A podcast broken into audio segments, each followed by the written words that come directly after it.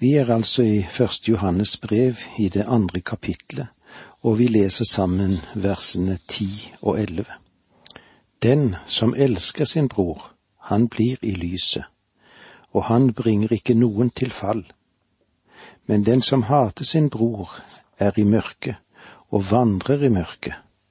Han vet ikke hvor han går hen, for mørket har blindet hans øyne. Vi får her et lite glimt inn i hva broderkjærlighet er, lyset eller søskenkjærlighet som vi òg får gjennom et lys i livet. Brevet, det har pekt på mange sider, men òg den dobbelte siden av det kristne samfunnet som vi får oppleve. Samfunnet med Gud og samfunnet med andre troende. Og slik det står skrevet i det tredje vers i det første kapitlet. Det som vi har sett og hørt, forkynner vi også for dere, for at dere skal ha samfunn med oss, og vi som har samfunn med Faderen og Hans Sønn Jesus Kristus. Her blir det altså sett på det forholdet som budet ga oss, slik vi òg kan se i det tredje kapitlet og vers åtte her i Johannes første brev. Den som synder, er av djevelen, for djevelen har syndet fra begynnelsen. Og det var for å gjøre ende på djevelens gjerninger at Guds sønn åpenbarte seg. Det er disse tingene vi er innom, og hvor vi skal få se hvor viktig det er at vi er klar over hvem vi lever med, og hvordan vi lever. For en ond vilje og en syndig gjerning kan ikke forenes med å leve i sannhetens lys. På den andre siden hjelper det både en selv og andre å gå på den rette veien når en lever i lyset. Den som elsker sin bror, han blir i lyset, og han bringer ikke noen til fall. Selvfølgelig, det finnes andre troende som har visse vaner og en livsstil og synspunkt som du kanskje ikke liker så veldig godt. Du synes at en del av de standpunktene som de har, de uttrykksformer som de bruker, de er smakløse. De kan til og med ha en personlighet som nå da kan føre til konfrontasjon med en annen bror. Men eh, det er vel ikke slik at du, du trenger å hate han for det. Johannes han har gitt oss noen veldige ord her. Den som hater sin bror, er i mørket og vandrer i mørket. Han vet ikke hvor han går hen, for mørket har blindet hans øyne. Om du ønsker å vite for sikkerhet at du er et Guds barn, så ta nå på deg denne prøven på ditt eget liv og se hvordan du har det. Om du hater din bror, ja, så bor du i mørket. Elsker du din bror, så bor du i lyset. Det kristne livet er som et triangel, det. Gud står øverst på dette triangel, og Guds lys kommer ned og inn i ditt hjerte og inn i ditt liv. Din kjærlighet til Gud stiger opp, for du elsker ham fordi han elsket deg først. Og vandrer du i lyset her nede, så betyr det at du også kommer til å elske din bror. Du kan ikke si at du elsker Gud og hater din bror. Det er absolutt umulig, det. Og dette vil Johannes klargjøre mer for oss senere. På dette punktet ser det ut til at han viker fra det temaet som han har fulgt så langt han begynner å tale om tre forskjellige utgaver av troen. Vers tolv. Jeg skriver til dere, mine barn, fordi dere har fått syndene tilgitt for Hans navns skyld. For Hans navns skyld. Disse som han kaller mine barn, det greske ordet er teknia, små barn. Jeg tror han henviser til alle troende. Uansett alder. Uansett modenhet som kristne. Den grunn som alle kristne hviler på, er syndstilgivelsen. Og hvordan har vi fått den? Jo, den har vi fått på grunn av at Jesus Kristus har gitt sitt blod. Dere har fått syndene tilgitt for Hans navns skyld. Noen kristne de blir værende i denne stillingen som om de var små barn, og de vokser aldri ut over dette. Og nå går Johannes videre til en annen gruppe, og det leser vi om i vers 13. Jeg skriver til dere fedre, fordi dere kjenner ham som er fra begynnelsen. Jeg skriver til dere unge, fordi dere har seiret over den onde. Fedre er de hellige som har kjent den Herre Jesus i mange år, og har hatt vekst og modning i sine liv. Personlig tror jeg at David skrev den 23. salme da han var en gammel mann. Han kunne aldri ha skrevet den salmen som en ung hyrde, fordi det er en salme som har vokst ut av livets problemer og ut av de vanskelighetene som han hadde. David, han hadde møtt alle slags problemer og alle slags farer, og han hadde levd i fellesskap med Gud. Han var et av Guds modne barn og ville ganske sikkert ha hørt inn under Johannes sin kategori, som er fedre.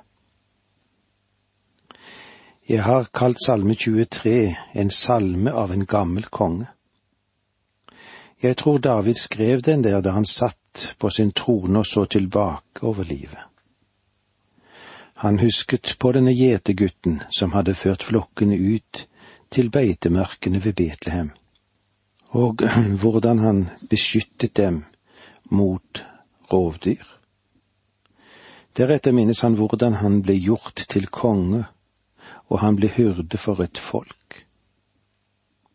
Da han nå så seg tilbake over en mangslungen karriere, så husker han det vidunderlige vennskapet han hadde med Jonathan, sin flukt fra kong Saul, deretter sin herskertid i Hebron. Og til sist gjorde Gud ham til konge over alle de tolv stammene. Så minnes han også med gru sin fryktelige synd. Og så husket han også på Guds nådige tilgivelse da han bekjente sin synd for ham. Han minnes nok òg vanskeligheten i hjemmet deres, og fordi Gud hadde tuktet ham, spesielt gjennom Absaloms opprør. Den sønn som han kanskje elsket mest. Han husket nok òg på flukten fra Jerusalem, og nødvendigheten av å finne ly i hulene, og på ny så mottar han nyheten om at Absalon er død, det som hadde knust hans hjerte. Og med dette i tankene kunne den aldrende kongen si, Herren er min hyrde jeg mangler ingenting. Som et modent Guds barn gjenkaller han hvordan Gud hadde ledet ham på grønne gressganger, ved stille vann, og hadde gjenopprettet hans sjel. Det er nok folk som David Johannes betegner som fedre. Jeg skriver til dere unge fordi dere har seiret over den onde. Disse unge er ikke så modne som fedrene. Det vil si, de har ikke så stor erfaringsgrunnlag slik som fedrene har hatt det. Men det de har lært, er hemmeligheten ved å overvinne fienden ved Jesu Kristi blod. De har lært hvordan de skal leve for Gud. Si ikke at et ungt menneske ikke kan leve for Gud i denne tid. Vi ser jo mange eksempler på hvordan de unge kan gjøre, oss eldre til skamme med sin hengivenhet til den Herre og Mester. Med disse ordene må vi nok si takk for i dag. Må Gud være med deg. Dette undervisningsprogrammet består av to deler. Åge Nevland fortsetter nå med andre del av dagens undervisning. Vi er i Johannes sitt første brev, den apostelen som har så mye å si oss, kjærlighetens apostel. Det han sier er at vi skal være oppmerksom på hvem vi elsker, elsker ikke verden. Eller slik som det står i det andre kapitlet, her i det første brevet fra vers 12 til 14. Jeg skriver til dere mine barn, fordi dere har fått syndene tilgitt for Hans navns skyld. Jeg skriver til dere fedre fordi dere kjenner Ham som er fra begynnelsen. Jeg skriver til dere unge fordi dere har seiret over den onde. Jeg skriver til dere mine barn fordi dere kjenner Faderen. Jeg skriver til dere fedre fordi dere kjenner Ham som er fra begynnelsen. Jeg skriver til dere unge fordi dere er sterke. Guds ord blir i dere, og dere har seiret over den onde. Her er en dobbel formaning i dette som vi har lest. Her er tre grupper som viser begrunnelsen for det som apostelen gjerne vil gi som veiledning, og han sier òg hvorfor dette er så nødvendig. De tre gruppene er det vel mest naturlig å forstå som en utvikling i åndelig modenhet.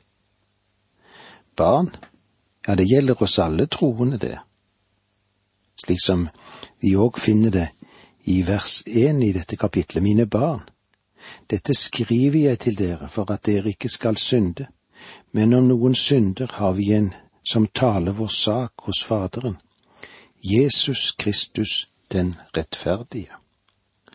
Og så skriver han til fedre. Og hvem er det? Jo, det er de som kan kanskje hjelpe til å veilede andre. Og så har vi de unge, kanskje de som er unge og nye på veien.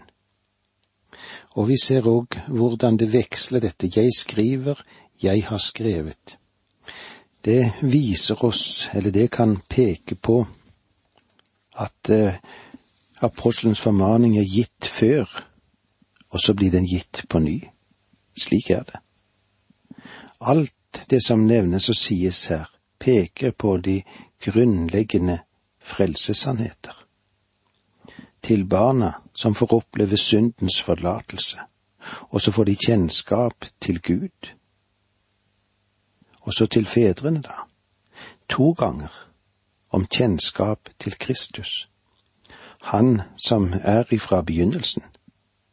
Han som blir åpenbart for å frelse oss. Også til de unge. Seier over Satan, og hvordan skal det foregå? Ved Guds ord. Jeg skriver til dere, mine barn, fordi dere kjenner Faderen.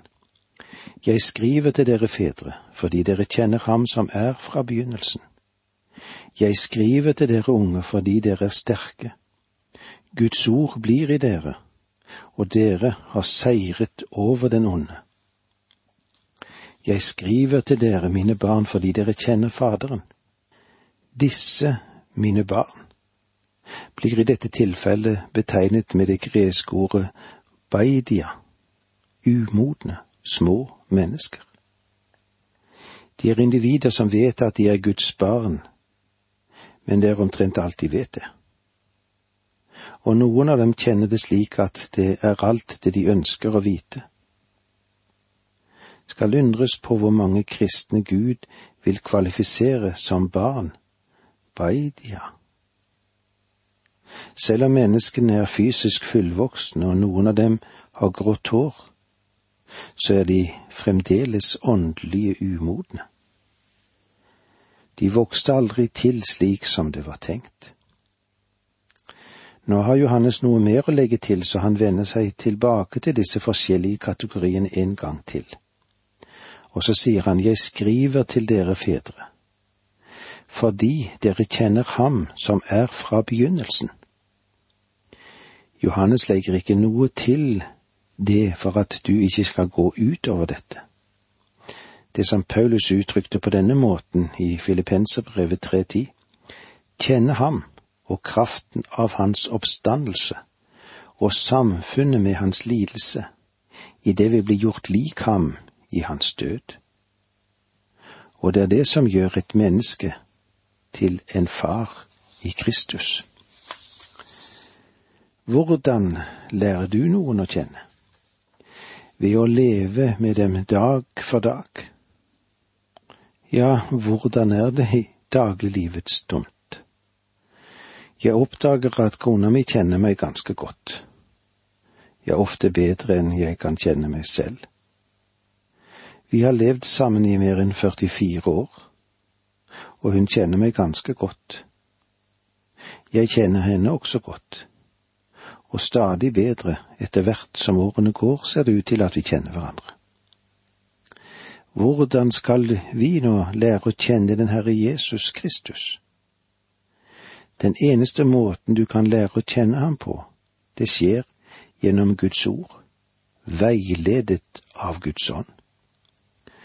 For det er i ordet han åpenbarer seg. Guds ord er som mat.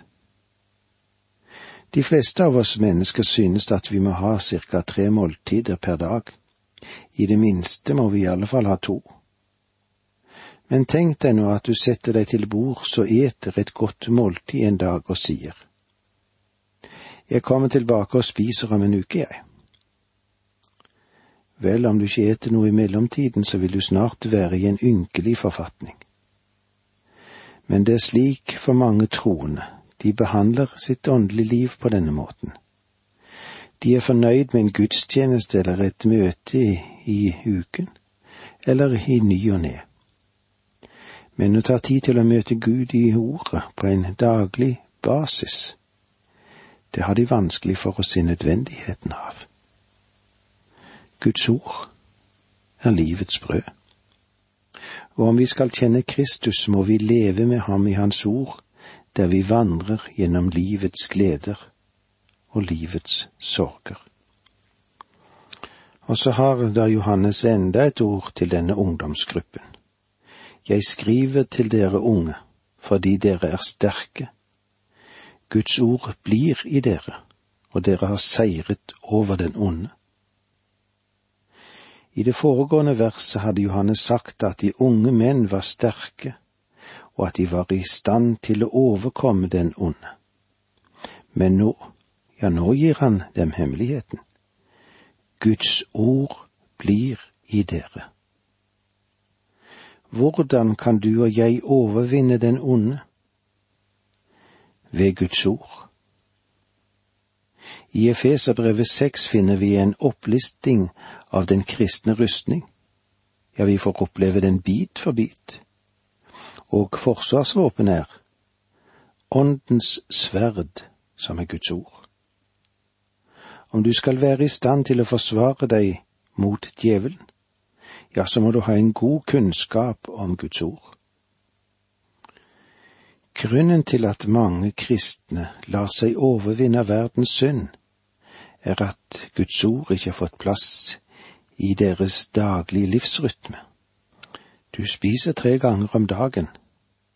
Du trenger fysisk mat for å være sterk. Og tro meg, du trenger åndelig føde for å hente styrke også.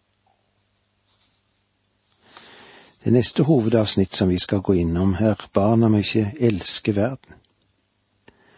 Dette er et avsnitt som mange gjerne ville se atskilt fra det som vi har gått igjennom nå, men jeg føler at det er en integrert del av det som Johannes allerede har talt om. Johannes har fortalt om hvordan vi som Guds barn kan vite at vi er hans barn. Han har sagt at vi kan vite det gjennom det faktum at vi elsker ham, og at vi holder hans bud. Senere vil Johannes understreke at hans bud, de er ikke tunge. Vi taler altså ikke her om de ti bud, men om de påbud som den Herre Jesus ga oss. For vi er blitt ført inn i det aller helligste.